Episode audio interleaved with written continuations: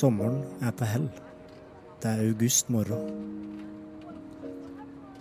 På flyplassen Nukovo, rett utenfor Russlands hovedstad Moskva gjør et russisk jetfly av typen Tupolev 154M seg klar til å forlate russisk jord og ta fatt på den over 20 timer lange turen til Svalbard og Longyearbyen. Om bord på flyet sitter 130 russiske og ukrainske gruvearbeidere med familie samt et mannskap på elleve som skal tilbake til Longyearbyen etter sommerferien, og nå er klar for ny overvintring i Arktis. Arbeiderne er ansatt i kullgruvene ved Pyramiden og Barentsburg. Stemninga om bord er munter og avslappa. På Longyearbyen Airport på Svalbard venter 120 kollegaer, venner og øvrig familie for å ta imot passasjerene. En av de ventende på bakken er russiske Viktor Kobsar, som skal ta imot kameraten og kollegaen Jurej. Viktor og Jurej kommer fra samme by, Symferopol på Krimøya, og kom til Svalbard med samme fly to år tidligere. Sammen jobber de ved helikopterbasen i Barentsburg. Flyet lette, og flyvninga går akkurat etter planen. Alt er som det skal, bortsett fra én ting. Piloten har aldri landa i Longyearbyen før. Jetflyet nærmer seg Longyearbyen og slipper seg sakte, men sikkert ned gjennom skylaget, høydemeter for høydemeter. Tåka ligger tett rundt Longyearbyen, og vindkastene øker minutt for minutt. I cockpiten diskuteres landingsalternativene. Skal de gå inn for landing fra sjøsida, eller gå ned mellom fjella i Adventdalen? Pilotene tar kontakt med flytårnet. Som ansatt ved helikopterbasen i Barentsburg har Viktor tilgang til radiokommunikasjonen mellom flytårnet og lufttrafikken. Han forstår fort at noe er galt.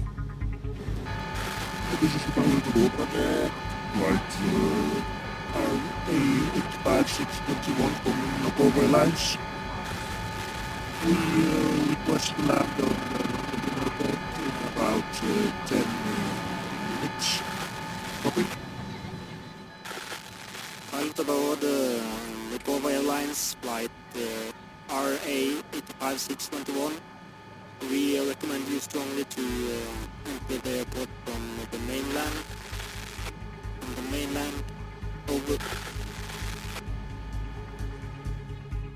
Flygelederen i tårnet anmoder piloten om å gå inn for landing gjennom Adventdalen. Men piloten står på sitt på å komme inn fra sjøsida. Flygelederen gjentar beskjeden tre ganger, men piloten står på sitt. Viktor forstår at noe alvorlig er i ferd med å skje. Flyet er nå bare 3,7 km fra flyplassen. Det er helt ute av kurs.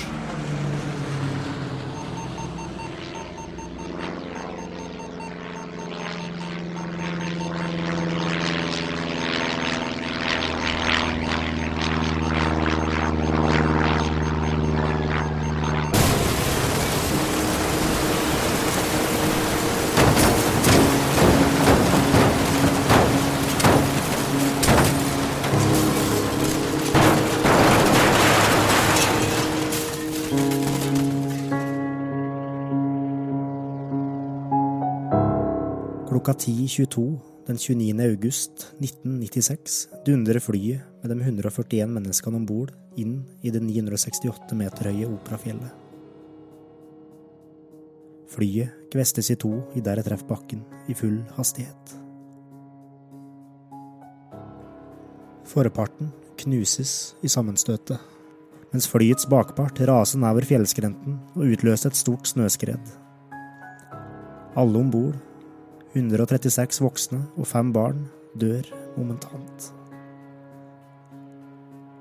Ulykka er den verste flyulykka i norsk historie.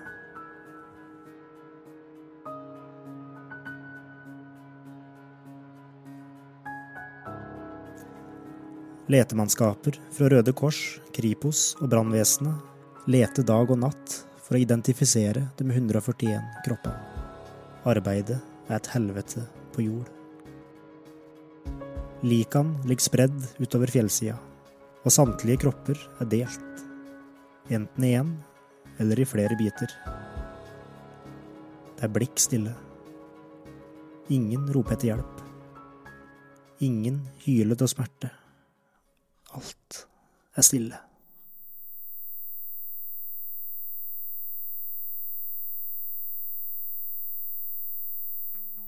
Hos den russiske generalkonsulen i Barentsburg begynner etter hvert ryktene å spinne. Det er ingen norsk leteaksjon på fjellplatået, og noen av de russiske passasjerene er fortsatt i live. Ulykka er blitt et storpolitisk maktspill, og det langvarige samarbeidet mellom Norge og Russland på Svalbard står i fare. Samarbeidet slår sprekker. I kjølvannet av dette rammer en annen stor tragedie samfunnet i Barentsburg drøye ett år etter flyulykka. I september 1997 går det av en eksplosjon inne i gruva. Gruva antennes, og 23 russiske og ukrainske gruvearbeidere dør. Hendelsene og maktspillet fører til at Barentsburg fraflyttes, og gruvedrifta legges ned. I dag bor det ca. 400 innbyggere i Barentsburg. 90% ukrainere og de resterende 10% russere, inkludert den russiske generalkonsulen, som har et tett samarbeid med Vladimir Putin, og benekter krigføringa i nabolandet Ukraina.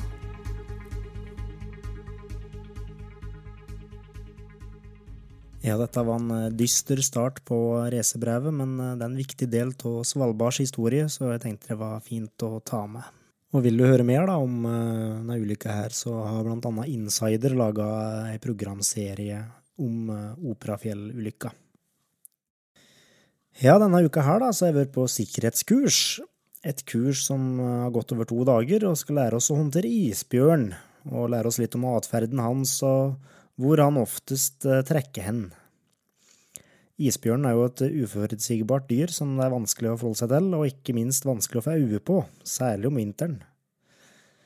På kurset så var vi 20 deltakere, og etter litt teori inne i universitetslokalene kjørte vi ut i Endalen, der vi skulle simulere at vi var en gjeng på tur, og som møtte på isbjørn. Seks av oss ble utstyrt med kikkerter, rifle og signalpistol, eh, uten ammunisjon, da, og så vandra vi innover dalen. Formålet var å få øye på en miniatyrbjørn som sto et stelle inne i dalen. Vi speida og speida uten å se noen bjørn.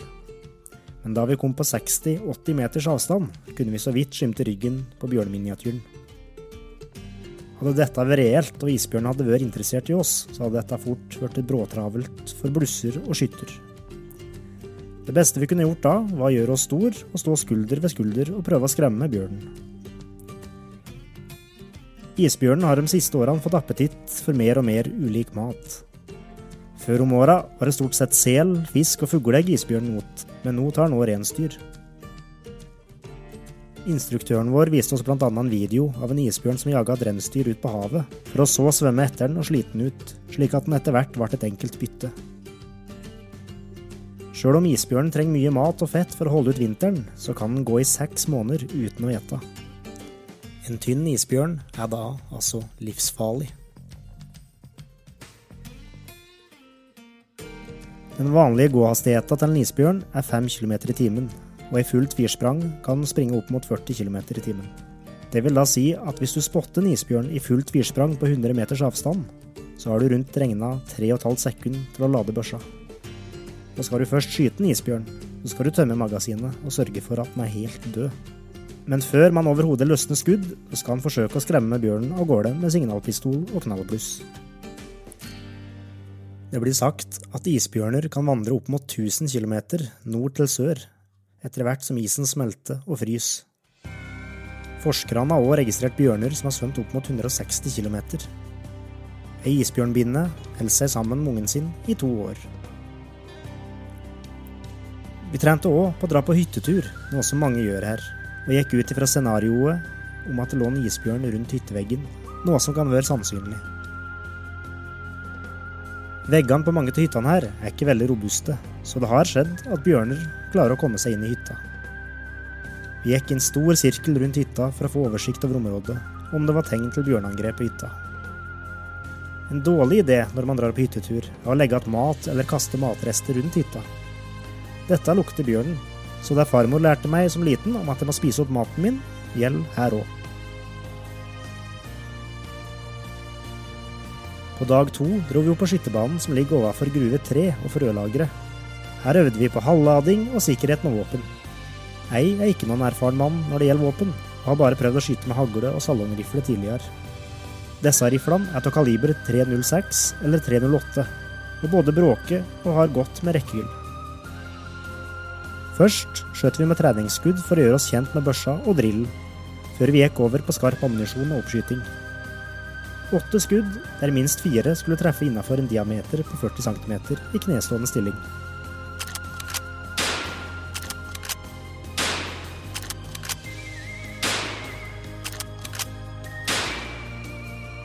På den første serien min skjøt jeg som ei snøblind flyndre. Den andre serien var heldigvis brukbar og gjorde at jeg besto. Et alt i alt veldig lærerikt og spennende kurs, med ferdigheter jeg håper jeg aldri får bruk for. I helga hadde distré meg lagt altfor mange planer, og jeg har faktisk blitt mer distré og tidsblind etter at jeg kom hit. Det er så mye inntrykk og ting som skjer hele tida, så det er vanskelig å holde styr på alt. I hvert fall når man ikke alltid noterer ned ting, da. I helga hadde jeg meldt meg på to dagers kajakkurs, skulle springe stafett, og hadde planer om å være med på båttur ut til pyramiden. For å ikke sette lagkameratene mine i knipe, så ble det stafett, og vi skulle jo springe for en veldig god sak, nemlig TV-aksjonen og Redd Barna. Laget besto av meg, Henrik, Karsten, Daniel og Marius, og vi hadde på forhånd egentlig ingen forventninger eller ambisjoner. Jeg fikk den første etappen og den lengste etappen på 1,3 km i kupert terreng. Og på startstreken lørdag sto det 19 lag, og mange tilskuere var til stelle. Jeg føler jo at jeg er i relativt god form, så jeg hadde som ambisjon om å veksle som topp fem. Startskuddet gikk, og rivalene mine satte i vei i et voldsomt tempo, så jeg ble litt tatt på senga til startfarten. Startfarten var høyere enn det jeg var komfortabel med, men jeg la meg som nummer fem i feltet med håp om at det ikke skulle sprekke. Etter 500 meter følte jeg at jeg hadde kontroll og at kroppen var pigg, så jeg øka farta opp den lengste bakken og la meg i rygg på nummer én og to. Den foran meg, det var lange slamper, og i hvert fall tolvåringer enn meg, så i siste nevrebakke for veksling var det bare å holde posisjonen og gi nestemann et godt utgangspunkt. Henrik på andre etappe henta i nummer to, og resten av gutta holdt posisjonen helt inn i mål. Førsteplassen, som var en gjeng videregående gutter, var ikke så mye å gjøre med, så vi kom i mål til en overraskende andreplass, og stemningen var stor. Vi ble kåra til det beste herrelaget, og teknisk sett så ble vi nummer én, ettersom ungdommene som kom før oss, ikke hadde med seg stafettpinnen i mål, og dermed skulle ha vært diska. Men vi er ikke smålige, og var veldig fornøyd med at et barnehagelag med bl.a. en 38-åring og en 40-åring på laget fortsatt kunne hamle opp med ungdommen. Og så er det veldig gøy at stafetten samla inn 60 000 kroner til høstens TV-aksjon og Redd Barna. På eftan ble det middag og øl før vi dro sammen med en del andre barnehageansatte til Kulturhuset og på standup med Erlend Osnes. Et show som ikke var særlig morsomt, og ikke særlig bra. I hvert fall ikke i mine øyne. Etter showet ble det leggetid, mens en del andre dro på byen. I dag var planen å være med en gjeng på fjelltur på Tenorfjellet, som ligger mellom Operafjellet og Hjortfjellet. Men gårsdagens idrettsprestasjon har gjort at harsen er nokså sår, så jeg får ha fjellturen til gode til senere. Det er fryktelig tørr luft der, og det merkes både på kroppen og på strengeinstrumentene jeg har med hit. Gitaren, for eksempel, en Martin-gitar som holder seg veldig godt i stemminga til vanlig, er nå ustemt hele tida. I helga fikk jeg òg høre at jeg snart får besøk av bestekompisen min Tom Henrik og madammen Anette, noe som jeg ser veldig fram til. Og så gleder jeg meg veldig til å få våpentillatelse og skaffe meg det nødvendige jeg trenger for å dra på tur og utforske Svalbard. Hei så lenge, og takk for at du hørte på.